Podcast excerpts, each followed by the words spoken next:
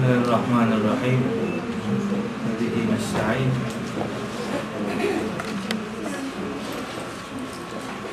Dört beş hafta bir fasıla ver, yaptık. Zorunlu olarak Kutlu Doğum Haftası Nisan ayında yaşanıyor, kutlanıyor. Bizim kutlu doğum haftaları kutlu doğum ay ayına dönüşüyor yani. Tabi sevmek fedakarlık gerektirir. Biz de peygamberimizi sevdiğimizi söylüyoruz. Seviyorsan fedakarlık yapman lazım. Nisan ayı boyunca peygamber sevgimizin bir ifadesi olsun diye ama tabii ki Allah rızası için yaklaşık 21 tane konferans verdim. Bunun 7 tanesi yurt dışında, gerisi Türkiye'de, çeşitli illerde, ilçelerde. Olsun. Peygambere ümmet olmak onu hayırla yad etmek, onun manevi dünyasını hayatımızın parçası gibi algılayabilmek için bir şeyler yapmak lazım idi. Bu kutlu doğum vesileleri de bizim için iyi birer nimet oldu. Orayla meşgul olduk. Burayı bırakmak zorunda kaldık. Şimdi orası bitti. Burası yeniden başlıyor. Bıraktığımız yerden devam edelim. Yusuf suresini bitirmiştik. Yusuf suresinin hemen peşinden Ra'd suresi geliyor. Ee, Ra'd suresini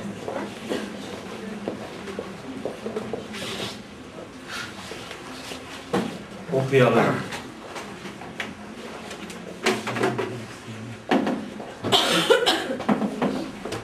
Ra'd suresi Ra'd kelime anlamı itibariyle gök gürültüsü demektir.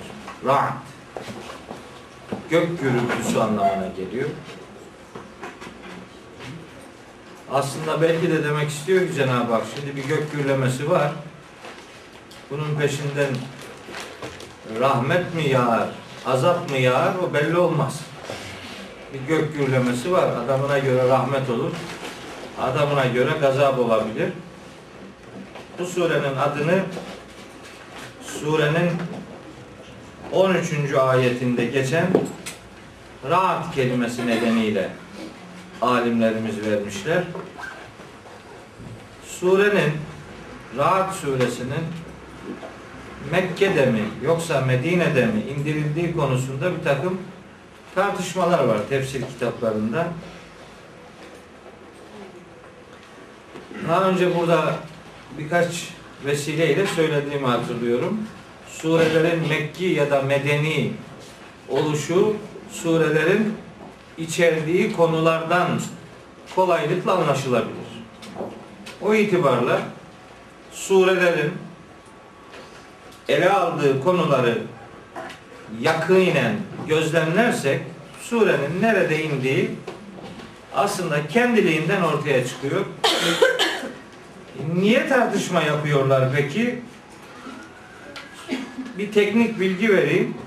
Kur'an sureleri böyle birinci ayetinden sonuncu ayetine kadar homojen bir yapı arz etmeyebilir. Yani bir surenin bütün ayetleri bir anda bir yerde indirilmiş olmayabilir. Bazı sureler vardır ki içlerinde Medine dönemine ait ayetler olur ama sure Mekke suresidir.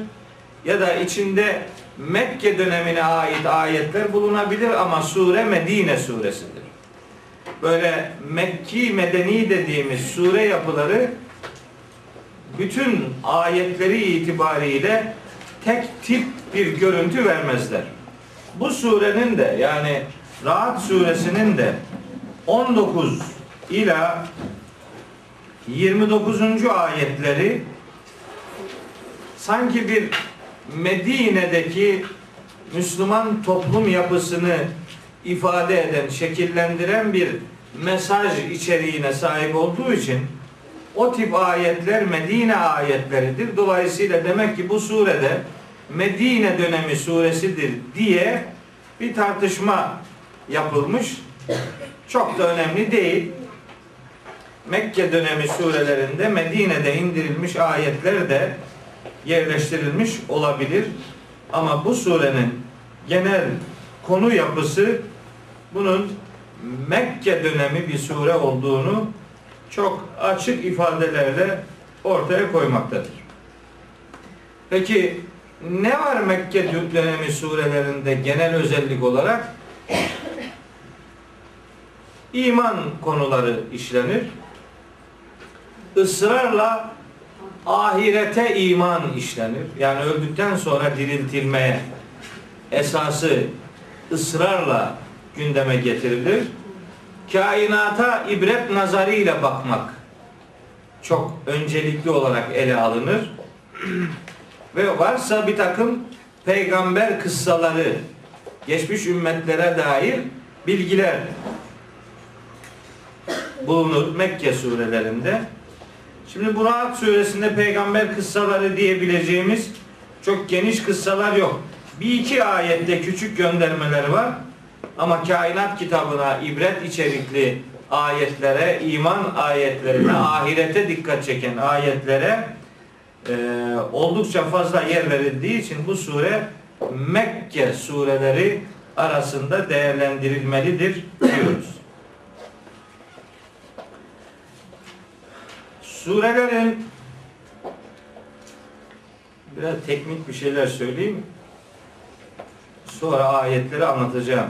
Şimdi bu surelerin sıralanışı yani şu elimizdeki Kur'an'da surelerin sıralanışının bazı alimler sahabilerin ictihadıyla gerçekleştiği kanaatindedirler.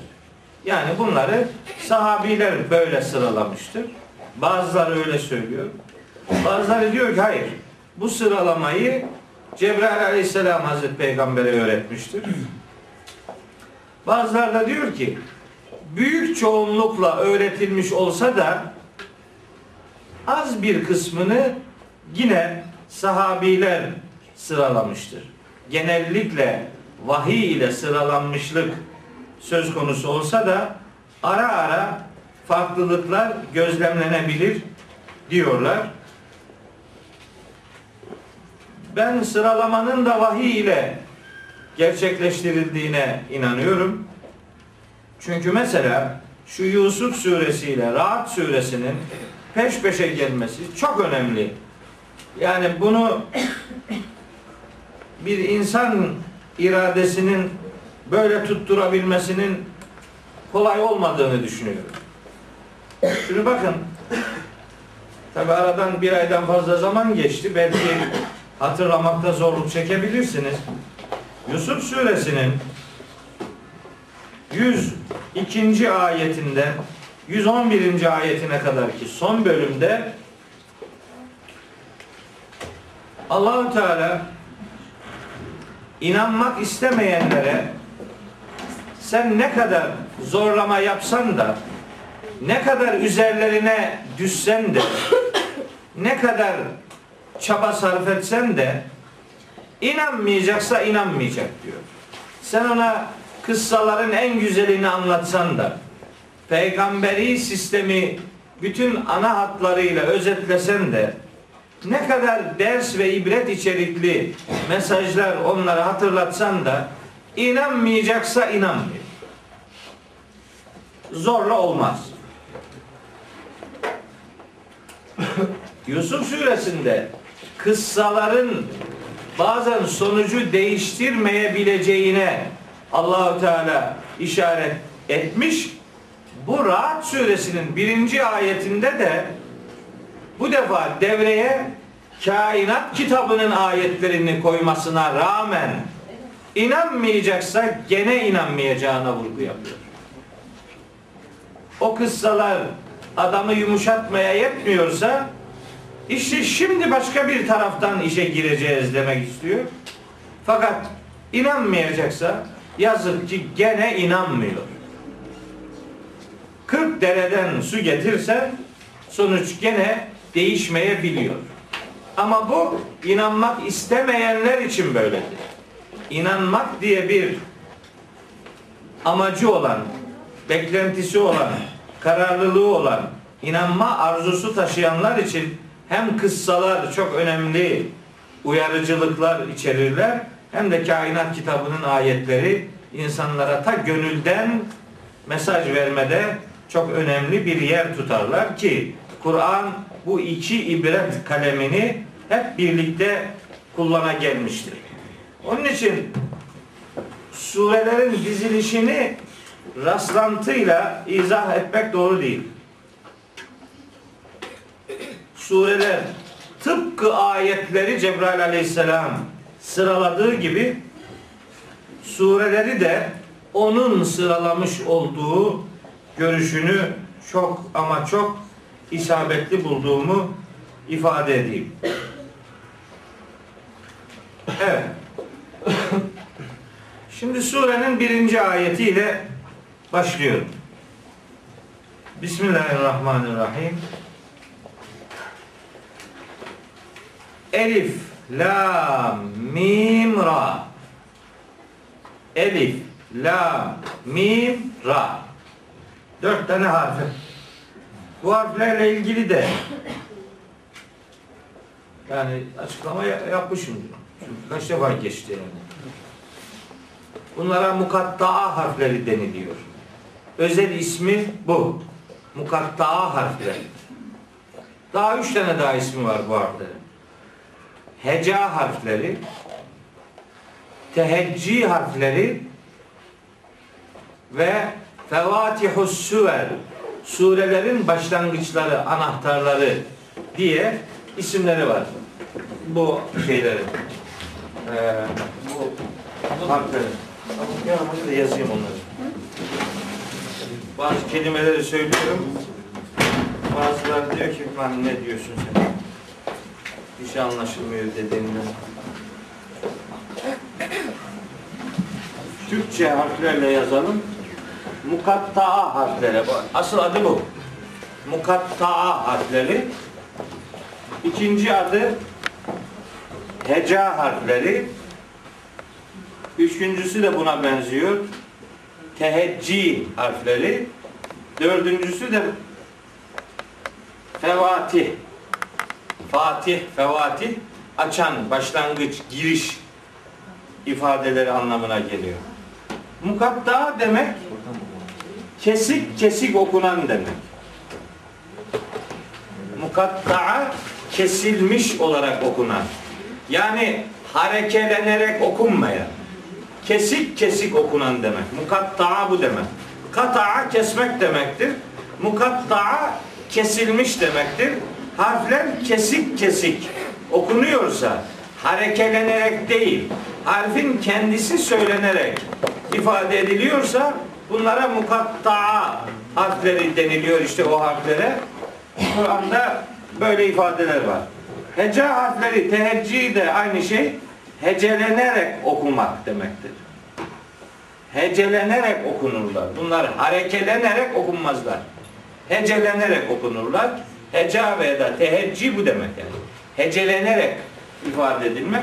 Fevatih de başlangıç demek. Başlangıç harfleri. Tabi bu harflerle ilgili daha önce bilgi verdim ama mevcutta bir takım değişiklikler oldu. Bir kısmı bunu ilk defa görüyor yani. Başından beri takip edenler mutlaka hatırlıyorlardır. Yeni gelenler nereden hatırlayacak bilmiyorlardır. Çok teknik biraz daha şöyle bir beş dakika daha bir şey söyleyeyim bunlarla alakalı. Bunlar çok speküle edilen harfler. Bunlarla ilgili çok ileri geri laflar söyleniyor. Efendim bu harfler işte Kur'an-ı Kerim'de manası bilinemeyen harflerdir diye tanıtılıyor. Bu harflere müteşabih harfler deniyor. Müteşabih duydunuz mu böyle bir kelime? Müteşabih. Müteşabih manası bilinemeyen diye tanımlanıyor. Bu asla doğru bir tanım değildir. Hiçbir şekilde doğru değildir. Çünkü manası bilinememek Kur'an için söylenebilecek en ağır iftiradır. Kur'an manası bilinemeyen kelimeler yığını değildir. Manası bilinmesin diye Allah ayetler indirmiş olamazdı. Asla manasının bilinemezliğiyle dair bir ifade değildir. Müteşabih üç tane mana verir bu kelime. Müteşabih kelimesinin üç tane manası var. Bir, müteşabih benzeşenler demektir. Benzeşenler. Şibil benzemek demektir. Müşabih benzeyen demektir. Müteşabih benzeşen demektir. Ayetleri, Kur'an ayetleri birbiriyle benzeşirler. Müteşabih o demektir. Benzeşen ayetler. İfadeler benzeşir, manalar benzeşir, konular benzeşir, teknik edebiyat hassasiyetleri benzeşir vesaire. Ayetlerin benzeşir oluşuna müteşabih denir. Bir, iki, müteşabih çok anlamlılık demektir. Çok anlamlılık. Her yeni gün anlamına başka yönden bakılabilen ayetlere müteşabih denilir. Çünkü Kur'an-ı Kerim'de kelimeler, terimler hatta edatlar bile tek anlamlılık üzerine kurulmamıştır. Çok anlamlılık esası vardır Kur'an-ı Kerim'de. Öyle kelimeler vardır ki 20 tane manası vardır. Her yeni dönemde o manalardan herhangi birini devreye sokabilirsiniz. Kur'an'ın mana canlılığı bunu gerektirir. Öbür türlü düz bir metin olur, standart bir metin olur. Herkes her zaman aynı şeyi anlar. Tefsirinin yapılmasına da gerek kalmaz. İlk defa tefsiri kim yaptıysa tamam yeterdir denilir. Ama Kur'an öyle bir kitap değil. Müteşabihin bir anlamı daha o da ilk anlamı ilk görüldüğünde hissedilen mananın dışında başka manalara da ihtimali olan demektir. Müteşabih. İlk görüldüğünde hissedilen mananın dışında da manalarının bulunması demektir. O itibarla muhkem dediğimiz manası tek olan ayetlerden farklıdır müteşabih. İşte bazı surelerin başlarında bulunan bu edat, bu harfler müteşabihtir. Doğrudur. Bunlara müteşabih denmesi yanlış değil. Ama müteşabihe verilen mana doğru bir mana değildir. Müteşabih çok anlamlılık, benzeşme ve görülenin ötesinde başka manalar da taşıyor olmak anlamına gelir. Müteşabih. Yani müteşabih deyince öbürünü de demek lazım. Bunların ikisi beraber kullanılır. Bir de muhkem var. İşte müteşabihin başka bir versiyonu muhkem. Muhkem manası açık, anlaşılır, tek anlamlılık demektir. Bir tane anlamı var canım. Başka anlamı yok. Açık, net. Onunla ilgili farklı yorumlar yapmanıza durum müsait değildir yani. Maliki yevmiddin mesela. Allah hesap gününün sahibidir. Bitti yani. Bunda daha konuşacak bir şey yok yani. İyyâke na'budu ve iyyâke nestaîn. Ya Rabbi sadece sana ibadet ediyorum ve sadece senden yardım istiyoruz. Bu, bu biliniyor. Ama öyle ayetler var ki şimdi mesela bu bu surenin ilk grubu ayetlerinde çok nefis örneği vardır bu müteşabihliğin. Bir şey diyorsun doğru, başka bir şey daha diyorsun o da doğru. Farklılıklara müsait bir yapı vardır Kur'an ayetlerinde. İşte ondan dolayı müteşabih ifadesini doğru isimlendirmek lazım, anlamlandırmak lazım. Bir de bir kelime daha var. Onu da söyleyeyim size. Muhkem kelimesiyle ahkam kelimeleri birbiriyle çok karıştırılır. Muhkem başka bir şeydir. Ahkam başka bir şeydir. Muhkem korunaklı, tek anlamlı, açık anlamlı demektir. Ahkam ise hukuk içerikli ayetlere denilir. Ahkam ayetleri demek sadece hukukta değil, ibadet, muamelat ve ukubat dediğimiz ibadete, insan ilişkilerine ya da toplumsal ilişkilere ve ceza hukukuna dair ayetlerin genel adı ahkam ayetleridir. İbadet, muamelat ve ukubat diyoruz ona Arapça. İbadet hayatı, hukuki içerikli ayetler ve cezai müeyyidelerle ilgili ayetler toptan ahkam ayetleri adını alır. Muhkem başka bir şeydir, ahkam başka bir şeydir. Müteşabih hep başka bir şeydir yani. Bunları böyle ifade etmiş olayım. Şimdi bu müteşabihlerden ilk akla gelen işte bu sure başlarındaki harflerdir. Bunlara mukatta harfleri diyoruz. Mukatta harfleri, kesik harfler, harekelenerek okunmayan, hecelenerek okunan harfler vesaire. Tam bunlar 29 surenin başında var.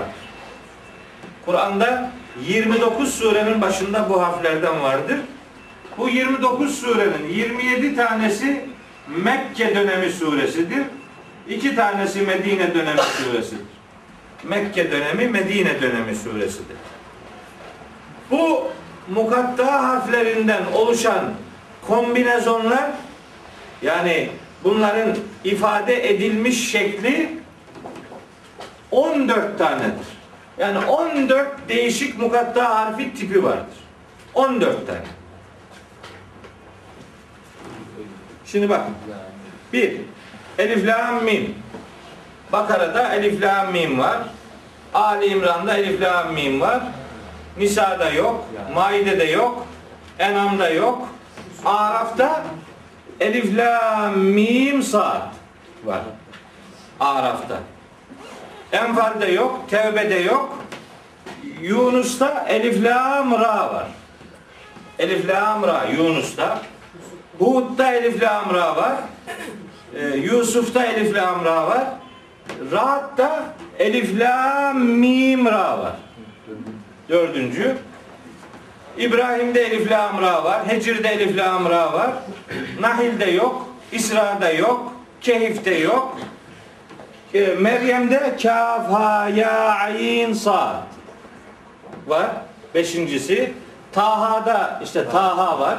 Altıncısı. Taha. Enbiya'da yok. Hac'da yok. Müminun'da yok. Furkan'da yok. Şey Nur'da yok. Furkan'da yok. Ee, Şuara'da Tasin Mim var. Şuara suresinde Tasin Mim. Ondan sonraki Nemil suresinde Tasin var. Tasin. Nemil'den sonra Kasas'ta Tasin var. Tasin Mim. Ankebut'ta Elif Lam Mim var. Rum'da Elif Lam Mim var. Lokman'da Elif Lam Mim. Secde'de Elif Lam Mim. Azap'ta yok. Sebe'de yok. Fatır'da yok. Yasin var. Saffat'ta yok. Saat var. Zümer'de yok. Mümin'de Hamim var. Mümin'de Hamim var. Fussilet'te Hamim var. Şura'da Hamim, Ayn, Sin, Kaf var. Zuhruf'ta Hamim, Duhan'da Hamim, Casiye'de Hamim, Ahkaf'ta Hamim, Muhammed'de yok, Fetih'te yok, Hucurat'ta yok, Kaf var. Kaf suresi. Kaç tane oldu? Bir, iki, üç. Ha, bir de Nun. Tamam. Ha. Bu 14 tane. 14 değişik şekli var bunların. Şu 14 değişik mukatta harfi ifadesinde kullanılan harflerin sayısı da 14'tür. Yani şuradaki harflerin sayısı da 14. Ne olacakmış? Niye bunu söylüyorum? Ne derdim ne? Öyle hurufilik yapmak diye bir derdim yok. Öyle şifrecilik yapmak diye bir derdim asla yok. Kur'an'da şifre olduğuna inanmıyorum. Kur'an-ı Kerim mübin bir kitaptır. Mübin kitapta şifre olmaz. Şifreye müsait bir kitap değil bu kitap. Ama dikkat çeken bir hususiyet var. Allahu Teala aslında bu harflerle bu harfleri kullanan ilk muhatap Mekkelilere, müşriklere meydan okuyor. Demek istiyor ki alfabeniz 28 harften meydana gelmiş. İşte yarısını kullanarak böyle acayip bir ifade tekniği kullanıyorum. Yarısını kullanarak ben bunları yapıyorum. Siz tamamını kullanın becerebiliyorsanız yapın bakalım. Yarısından böyle şeyler yaptım, ürettim. Siz tamamını kullanın, ilaveler yapın. Becerebiliyorsanız böyle bir söz söyleyin bakalım. Bu harfler bütünüyle bir meydan okumadır. Meydan okuyor Allah. Allahu Teala harfleri kullanarak muhataplara meydan okuyor. Becerebiliyorsanız işte bu harflerden müteşekkil bir kitap meydana getirdim. Yapabiliyorsanız siz de yapın. Tabi Kur'an'da meydan okuma ile ilgili altı tane ayet var. Neyse o ayetleri okumayayım şimdi yani nasıl meydan okuyor. Fakat o meydan okuma ile ilgili de çok tarihi bir yanlış yapılıyor.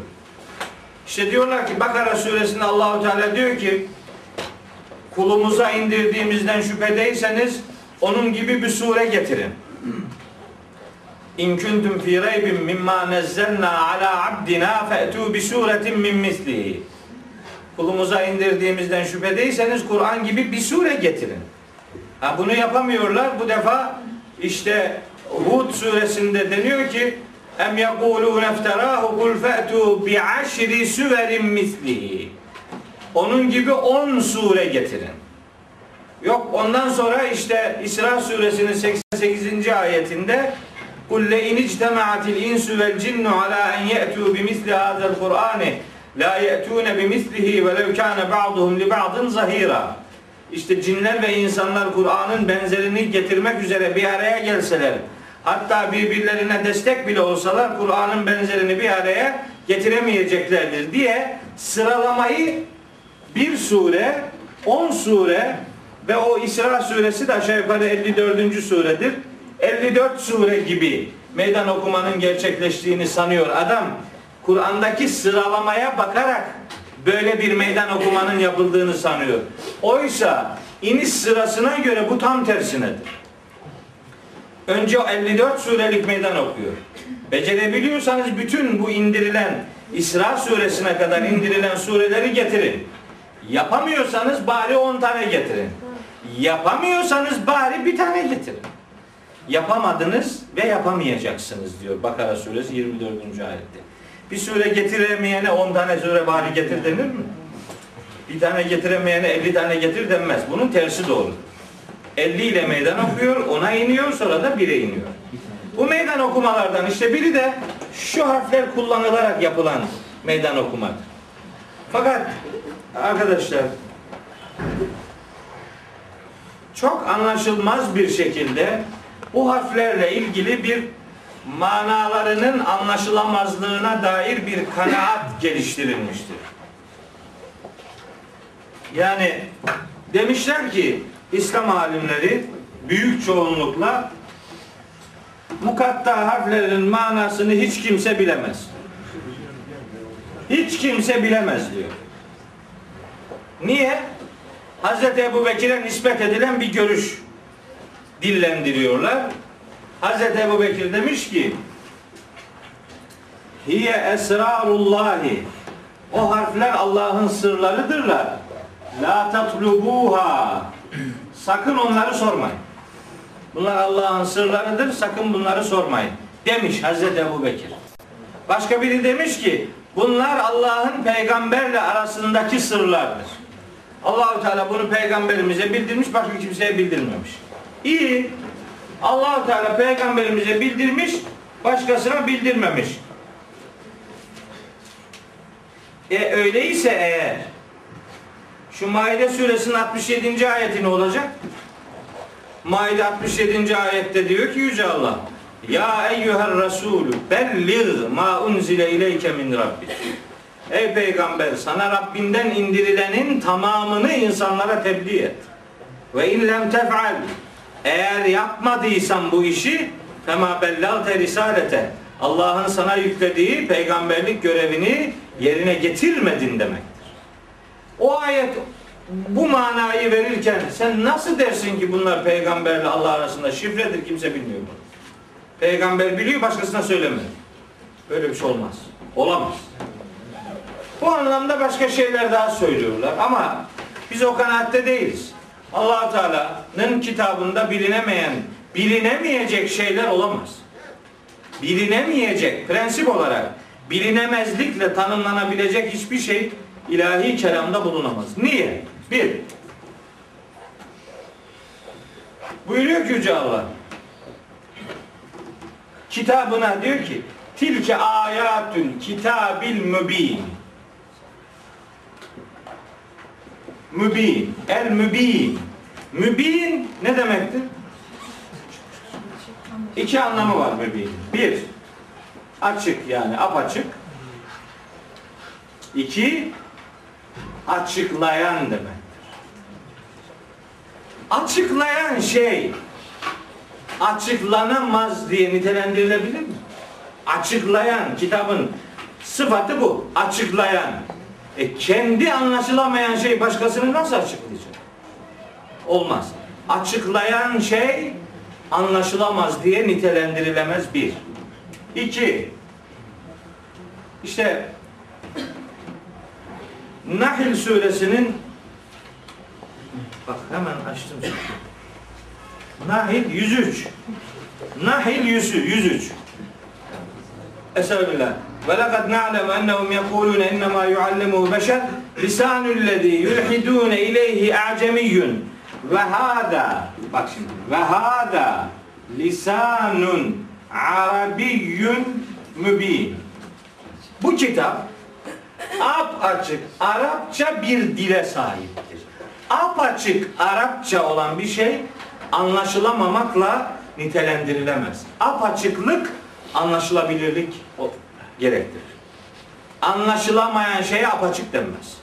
Benzer bir ayet de şu Ara suresinde var. Şu Ara suresinde buyuruyor ki Yüce Allah kaçıncı ayeti? 195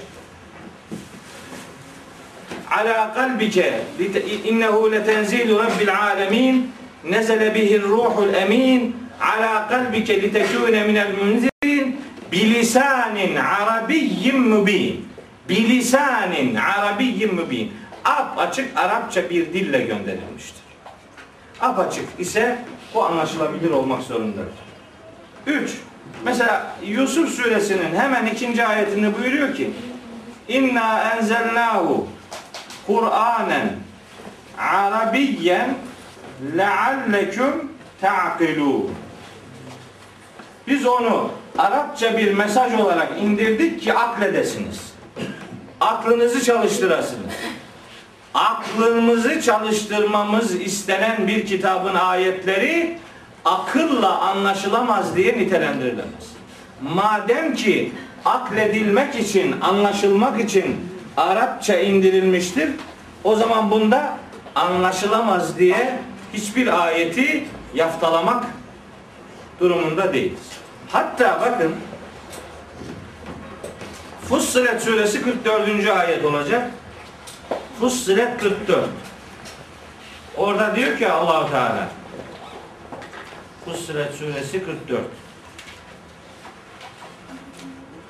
Ve lev cealnahu Kur'anen a'cemiyyen. Fussilet 44 evet. Ve lev cealnahu Kur'anen a'cemiyyen. Biz bu kitabı a'cemi bir Kur'an yapsaydık. Ve lev cealnahu Kur'anen a'cemiyyen. A'cemi. A'cemi yabancı demek. Acem yabancı demektir. A'cemi yabancı.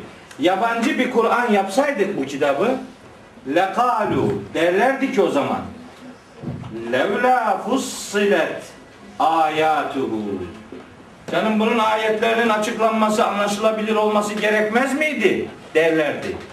Hatta derlerdi ki e'acemiyyün ve arabiyyün. Bu yabancı bir dilde mi Arapça mı nedir? Arap olanlara yabancı dilde kitap mı geliyor? Derlerdi.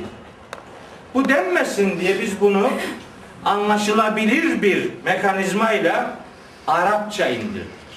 Madem anlaşılabilirlik esasına sahip kılınmıştır, o zaman bu kitabın anlaşılamaz diye nitelendirilmesi asla doğru değildir.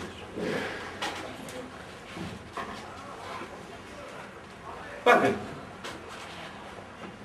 Bunların sayısını kapatmak kolay. Bir sürü söyleyeceğim şey var bununla ilgili. Hiç uzatmaya gerek yok. Ben şimdi şu söylediklerimi niye söylüyorum? Yani şimdi bu yaptığım işi niye yapıyorum? Şifre yok. Bir, bir, size bir şeyi öğretebilmek.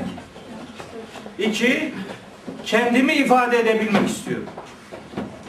Kendi kendimi ifade etmek için konuşuyorum. İki, sizinle bir şeyi paylaşayım diye konuşuyorum. Yani benim derdim anlaşılmaktır. Şu konuşmanın mantığı anlaşılabilir olmaya dayalıdır. İnsanlar birbirleriyle anlaşabilsinler diye konuşurlar. Konuşma bir anlaşma aracıdır. Ya da anlaşılma aracıdır konuşma. E insanlar birbirlerini anlasınlar diye konuşurlar da Allahu Teala anlaşılmamak için konuşmuş olabilir mi? İnsanlar anlaşılsın diye konuşuyor ama Allahu Teala anlaşılmasın diye konuştu. Bu ilahi sisteme büyük bir yakışıksız hakarettir. Anlaşılmamak ilahi kitaba yakıştırılamayacak bir hususiyettir. Bu zinhar kabul edilebilir bir şey değildir. Peki o zaman bu harflerin manası nedir? Madem anlaşılabilir olmak zorundadır, anlaşılabilir olduğunu madem ısrarla iddia ediyoruz, peki o zaman ne yani bunların manaları nelerdir?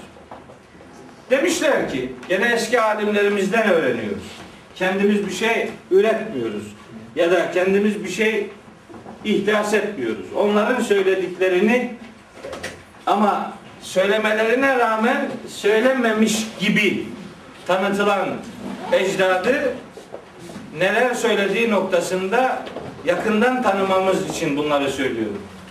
Demişler ki bu, bu harfler hangi surenin başındaysalar o surenin ismidir bunlar. Yani zaten öyledir de. Pek çok sure bu harflerle anılır. Hani Taha, Yasin, Sad, Kaf, Nun gibi. Hamimler de Hamim diye anılırlar. Birden çok olduğu için bir sonraki kelimeyle de e, buluşturularak ifade edilirler. Bir grup böyle demiş. Hangi surenin başındaysa o surenin adıdır bu demiş. Bir grup demiş ki bu harfler aslında her biri uzun bir cümlenin kısaltılmış şeklidir. Uzun bir surenin, uzun bir cümlenin kısaltılmış şeklidir. Yani mesela Elif Lam Mim Elif Allah demektir diyor. Lam Cibril demektir. Mim Muhammed demektir. Allah Cebrail aracılığıyla bu kitabı Muhammed'e indirmiştir demektir diyor. Elif Lam Mim o uzun cümlenin kısaltılmış sembolik ifadeleriyle e, öğretilmiş şeklidir. Uzun bir cümle. Başkası demiş ki yok. Elif Lam Mim enallahu a'lemu demektir demiş. Yani ben Allah'ım en iyi ben bilirim demek. Elif Lam Mim bu demektir. Peki Elif Lam Ra enallahu era demektir. Ben Allah'ım her şeyi ben görürüm. Peki Elif Lam Mim Ra ne demektir? Enallahu a'lemu ve era. Ben en iyi bilen ve her şeyi en iyi gören ben. Bu demektir diyor. Başkaları diyor ki bu harfler hangi surenin başındaysalar o surede adı geçen peygamberlere ve onların kitaplarına işaret ederler. Hangi surenin başında böyle harfler varsa o surede mutlaka bir peygamberden söz vardır. İşte o harfler o peygamberleri anlatırlar. Onlara dair bir sembolik ifade oluştururlar. Mesela diyelim ki kaf, ha, ya, ayin, sad. Kaf Hazreti Zekeriya, Ya Hazreti Yahya, Ayin Hazreti İsa, Saad Hazreti Musa, işte Ha'ya da başka bir peygamber. O Meryem suresinde bir, bir sürü peygamber. Hazreti İbrahim, İsmail, İdris var. Hazreti Musa, Hazreti İsa, Hazreti Zekeriya, Hazreti Yahya. O surede peygamberler var. Onun için bu surenin başındaki harflerin sayısı fazladır. Şura, Şura suresinde de öyle. Hazreti Musa, İbrahim var, Hazreti Nuh var, Hazreti Musa var, Hazreti İsa var. Birden çok harfler içindeki çok peygamberlere işaret ederler diyor. Bir grup da böyle diyor. Başka bir grup diyor ki mesela bu elif la mim her biri Allahu Teala'nın isim ve sıfatlarını anlatır. Elif Allah demektir. Lam latif demektir. Mim mecid demektir. Allahu Teala'nın sıfatlarının sembolik olarak simgesel anlatımıdır diyorlar. Başkaları diyorlar ki hep böyle olmak zorunda değildir. Mesela Taha Hazreti Muhammed'in özel ismidir. Taha isim demektir. Taha Hazreti Peygamber'in özel ismidir. Muhammed nasıl bir isimse Taha da öyle bir isimdir. İşte hatta Yasin de Hazreti Peygamber'in özel ismidir. Yasin ey insan demektir. Zaten Tay kabilesi varmış orada. Onlar Yasin'i ya en iyisi, ey dostum, ey insanlığın efendisi anlamında kullanırlarmış. Yasin ey insan demektir. Her birinin kendi özel dünyası ile ilgili birden çok manası vardır. Bakın işte bunlar müteşabih. Birden çok anlamlılığa müsait kullanımlardır. Başka biri demiş ki bu harflere Allah yemin ediyor. En başta onu söylemiştim. Yemin ediyor. Yani elif la mim demek vav var bunun başında demektir. Elif'e yemin ediyorum. Lama yemin ediyorum. Mime yemin ediyorum. Allahu Teala Kur'an-ı Kerim'de pek çok varlığa yemin ediyor. İşte yemin ettiği varlıklardan bir grubu da harflerdir. Harflere yemin ederek sözünü güçlendirmeyi amaçlamıştır. Bunlara yemin ediliyor. Yemin ediliyor ve yeminle beraber meydan okunuyor. Başka biri demiş ki aslında bu harfler hep genellikle hani 27 tanesi Mekke suresinin başındadır. Bunların Mekke surelerin başında olması muhatabı uyarmak içindir. Yani Hazreti Peygamber'e denmek isteniyor ki ey peygamber hazır ol vahiy geliyor. Bazen peygamber zaten hazırdır uyarıya gerek yoktur. Bazen küçük meşguliyeti vardır bir harfle uyarılır. Kaf, sa, nun gibi. Bazen meşguliyet biraz fazladır. Uyarı iki harfe çıkar. Hamim gibi, tasin gibi. Bazen üç tane olur. Tasim, mim gibi, elif, lam, mim gibi. Bazen dört harfli olur. Elif, lam, mim, ra gibi. Elif, lam, mim, saat gibi. Bazen beş harfli olur. Hamim, ayin, sin, kaf gibi. Peygamberin vahyi almaya hazır olmasını sağlamak için yapılan farklı uyarılardır bunlar. Farklı uyarılar. Uyarıyor. Vahiy geliyor, vahye hazır ol anlamında uyarılardır. Söylenecekler bunlardan ibaret de değil. Bugün bilgisayar kullanıyoruz biz. Bugün bilgisayar kullananlar bunu çok iyi anlarlar. Bilgisayarın monitöründe bir takım simgeler vardır. Siz bir simgenin üzerine tıklarsınız önünüze bir dünya açılır. İçinde başka bir dosyaya tıklarsınız başka bir dünya açılır. Bu harfler hangi surenin başındaysalar o surenin konu açılımlarının simgeleridirler. Konu açılımlarının simgeleri. Nasıl olur? İşte bilgisayarda olduğu gibi. Üzerine dosyada tıkladın mı bir alemle karşılaşırsın. Bu harflerin her biri bir takım hakikatlerin sembolleridir, simgeleridir. Fakat bunların manası yoktur diyenler çok önemli bir arızaya neden olmuşlardır. O arıza bu harflerin manası yoktur de- dedikleri için müsteşrikler müsteşrik kime deniyordu? Müslüman olmayan doğuyu araştıran batılı bilim adamlarına müsteşrik deniyor. Oryantalist diyorlar işte. Müsteşrik. Müsteşrikler diyorlar ki bu harfler var ya bu harfler. Bunlar aslında Kur'an'ın değil. Ya bunlar bu vahiyleri kim yazdıysa onların simgeleridir. Vahiyleri getiren adamların simgeleridir. İşte Nun Osman'a aittir, Kaf şuna aittir, işte Mim İbn Abbas'a aittir, yok bilmem öbürü Zeyd'e aittir gibi. Bunlar Kur'an'ın kendi harfleri değildir. Bunları vahiyleri kim yazdıysa onları nitelendirsin diye buraya sonradan koydular diyorlar.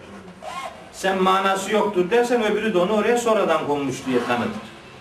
Bunların manası vardır. Biz bütün bunlardan başka bir şey anlarız. Ne anlarız? Bu harfler manası bilinemez dense de çok önemli bir hakikatı bize öğretir. Nedir o hakikat? Peygamberimizden bugüne Kur'an-ı Kerim bir harfi dahi eksilmeyecek garantide nakledilmiştir. Bir harfini dahi eksiltmeden Cenab-ı Hak bu kitabın koruma, korunmasını sağlamış ve Efendimiz bu kitabı bize harfine dokunmadan bize nakledilmiş, nakletmiştir. Tek harfi manası kavranamayan diye tanıtılsa bile o harflerin bize nakledilmesi vahide herhangi bir kaybın, herhangi bir kopukluğun, herhangi bir kaybolmuşluğun söz konusu edilemeyeceğini gösteren Kur'an vahyini Cenab-ı Hakk'ın koruma garantisini aldığının en belirgin göstergeleri işte bu mukatta harfleridir. O itibarla biz bu harfleri mutlak surette manası olan, manası bulunan ama tek anlamla sınırlı tutmamamız gereken, çok anlamlılığın konusu olarak izah etmemiz gereken birer semboller olarak görmek durumundayız. Ne olursa olsun bunlara manasızlık yakıştırmak, bunları boşunalıkla ifade etmek Müslümana yakışmaz demek durumunda. Buyur.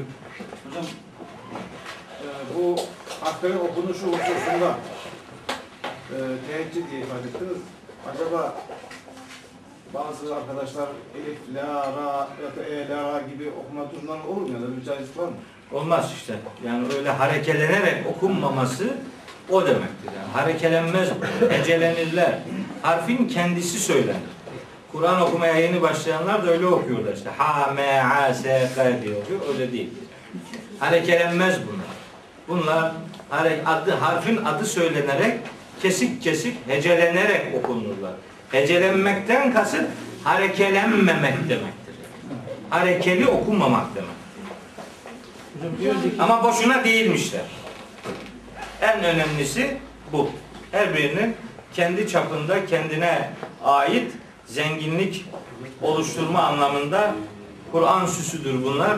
Manaları asla bilinemezlikle nitelendirilmemesi gereken harflerdir. Hocam tamam bunu kabul ediyoruz yani bunun dinlememezlik diye bir şey yok. Kur'an muhakkak ki çok apaçık belli. Fakat bazı e, hocalarımız, bazı profesörler çok farklı anlamlarda açıklıyorlar. E, bu sefer insanlar o, o diğeri bir farklı, diğeri bir farklı açıkladığı zaman acaba hangisi doğru söylüyor? Ya da hangisinde anlam farklı diye şaşırıyor. Bizim anlamla ilgili tereddüt meydana gelmemesini sağlayacak en önemli malzememiz bunlara mana verirken Kur'an'ın bütününü bilerek mana vermektir. Eğer yani bir surenin içinde peygamberlere de işaret ediyor olabilir derse bir adam ve siz o surenin içinde başka bir peygamberden söz edildiğini görürseniz bu doğru olabilir dersiniz. Bu zaten doğru olabilir bak. Böyle de diyen var, şöyle de diyen var, öyle de diyen var. Sözümüz bu mana çeşitliliğinin mümkünlüğünden kaynaklanıyor. Sadece şudur diyen yok. Hatta büyük çoğunluk bunun manası bilinemez deyip geçiyor karşıya. Ama bir bölümü mananın bilinemezliği ikna edici değildir. Madem ki bunlar buraya konmuştur, bunun mutlaka bir amacı vardır. Yani en kestirmeden ya bu harflere yemin edilmektedir, ya bu harflerle Allah meydan okumaktadır, ya vahiy gelirken peygamberin uyarılmasını sağlama amacına yöneliktir, ya da bunlar başında bulunduğu surenin isimleridir. Mutlaka bir şeydir. Mutlaka bir manası vardır, bir konumu vardır. O konumla alakalı hatta mesela çok çarpıcı bir şey söyleyeyim size. İbn Abbas İbn Abbas diyor ki bunlar asla lüzumsuz harfler değillerdir diyor. Bunlar Allah'ın isim ve sıfatlarını anlatırlar. Bir araya getirmesini bilenler bunu görürler diyor. Soruyorlar mesela nasıl? Ne yapalım? Mesela diyor. Elif, lam, ra'yı yazın diyor. Yanına bir hamim koyun. Sonra da nun edatını getirin. Okuyun. Er-Rahmanu'yu görürsünüz. Bu Rahman demektir. Allah'ın isim ve sıfatlarının bir çeşit kombinazonudur bunlar. Doğrudur yani bu yanlış. En Allahu alem en iyi ben bilirim Allah'ım yanlış değil olabilir. Yani yanlış diyebileceğimiz bir söz sadece bunlar manasızdır sözüdür. Yanlışı budur. Öbürü tek doğru budur demediği sürece her biri olabilirlik ölçüsünde kabul edilebilen yani ihtimaller olarak me- mesafeli durmamız lazım gelen mümkün doğrular olarak göreceğiz. Çok aykırı bir şey. Çok aykırı şeyler söyleyenler de olmuşlar. Şimdi mesela Sonradan eklenmişler. Mesela müsteşrik öyle diyor. Bunu sonradan ilave etmişler. Sonradan ilave etmişlik Kur'an'ın korunmuşluğuyla büyük sorun çıkartıyor. İşte mesela o görüşe saygı duyamayız. Niye? Hecr suresinin 9. ayetine aykırı o. Biz Kur'an'ı indirdik, onun koruyucusu biziz. Bitti.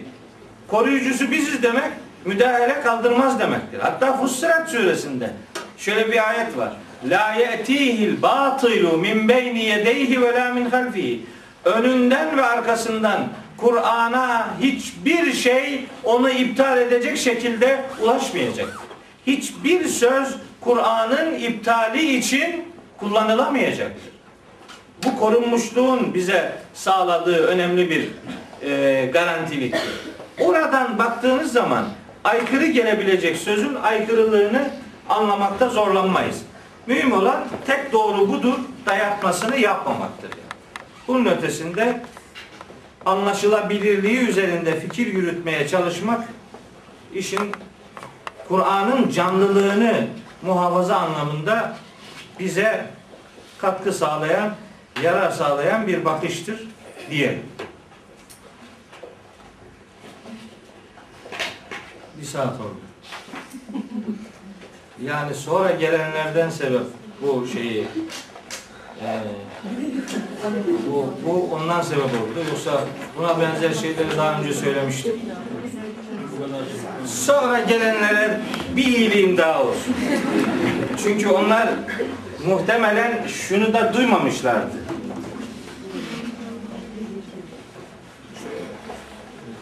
Konferanslara gidiyorum. Diyorlar bana ki hocam konferans ne kadar sürecek? Ne bileyim. Bilmem. Hiçbir şekilde bilmem. Ne zaman? Ne zaman yorulursam. Ya bir şey anlatırken aklıma başka bir şey gidiyor. Dalıyoruz oradan yana. Öbür konu kalıyor bir başka bahara. Şimdi bak şimdi. Nun vel kalemi ve ma yesturun. Nun. Şimdi biri demiş ki bunun manası yok. Tamam. Manası yok. Biri demiş ki Allah bu harfe yemin ediyor. Yemin ediyor. Öbürü demiş ki yeminler birbiriyle alakalı şeylere yapılır. Yani şununla bunun bir alakası yoksa bu bu doğru değil demek istemiş yani. Alakasız şeylere yemin edilmez. Öbürü demiş ki şunun Osman demektir. Araplarda böyle harfler adamları simgelerlermiş. Nun harfi Hazreti Osman'ı nitelendirilmiş. Saat, Sa'd bin Ebi Vakkas'ı nitelendirilmiş harfler. Osman. Beş. Biri, başka biri demiş ki Nun balık demektir. Nereden çıkardın bunu Fatih öyle diyor. Balık. Ne balığı? Bak balık. Enbiya suresinde 87. ayet. Enbiya suresi 87. Orada diyor ki Cenab-ı Hak Hazreti Yunus'la ilgili ve zennuni Nun sahibi. Nun balık demek. Ba- nun ile hut balık demektir Arapça. E balık ne alakası var ya şimdi? Nun balık neyin nesi yani? Buna bağlı başka biri demiş ki Nun Hazreti Yunus demektir. E nereden çıkarttın? Balığın karnındaydı ya. İyi de bu surenin başında ne işi var? Var. Çünkü surenin sonunda Fasbir li hükmü rabbike ve la tekun ke sahibil hud. O balık sahibi gibi olma Rabbinin hükmüne sabret. Yunus gibi kaçma diyor Peygamberimize Cenab-ı Hak. Hazreti Yunus'u hatırlatıyor. Dolayısıyla bunun Yunus olması çok aykırı değil. Bu da doğru. Bu da doğru, bu da doğru, bu da doğru, bu da doğru. Doğru olmayan bir ya bu birincisi. Bunlar da doğru. Daha doğru şuradan hareketle. Yeminler birbiriyle alakalı şeylerdir. Yedi, nun hokka demektir. Hokka. Hokka eskiden yazı malzemesi için böyle boyanın bu mürekkep kabı. Ona batırır yazarlarmış divitle. Nun hokka demek. Olur mu? Olur. Bal gibi olur. En doğrusu da bu. Hokkaya, kaleme ve satır satır yazılanlara emin olsun. Ne sakıncası varmış? Buna bu manaları vermek neyi iptal ediyormuş? İşte doğrusu bu. Alakalı şeylere yemin edilir, anlamlı şeylere yemin edilir ve Kur'an lüzumsuzluklardan, manasızlıklardan kurtulmuş olur. Her biri doğrudur. Tabi. Şimdi bunların her birini bir adam başka başka insanlar söylüyorlar. Budur işte Kur'an'ın canlı olmasını sağlayan. Metin olarak Kur'an'ın indirilişi bitmiştir. Ama mana olarak, hüküm olarak, ruh olarak, canlılık olarak Kur'an-ı Kerim'in indirilişi devam ediyor. Bu devam eden indirilişin malzemeleri Kur'an'daki bu tür müteşabih ayetlerdir. Çeşitlilik arz eden kelimelere sahip olmasıdır bu kitabın onu canlı yapan kısmı. O itibarla bunları böyle donuk gibi görmek değil, canlı görmek Kur'an'ı anlamakta önemli bir vesiledir. Nun bundan sonra Nun bunun manası yokmuş demeyin. Manasızlık Kur'an'da yok.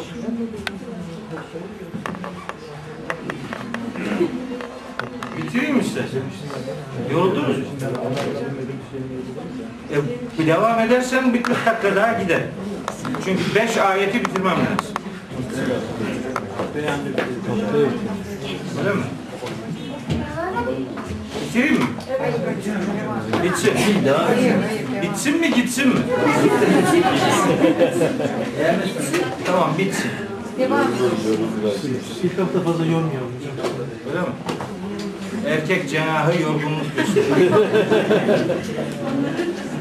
evet neyse haftaya inşallah kalan kısmını yapalım. Yani Kur'an manalarının mana canlılığının kavranması anlamında önemli önemli hususiyetlerdir bunlar. Haftaya devam inşallah. Allah'a emanet.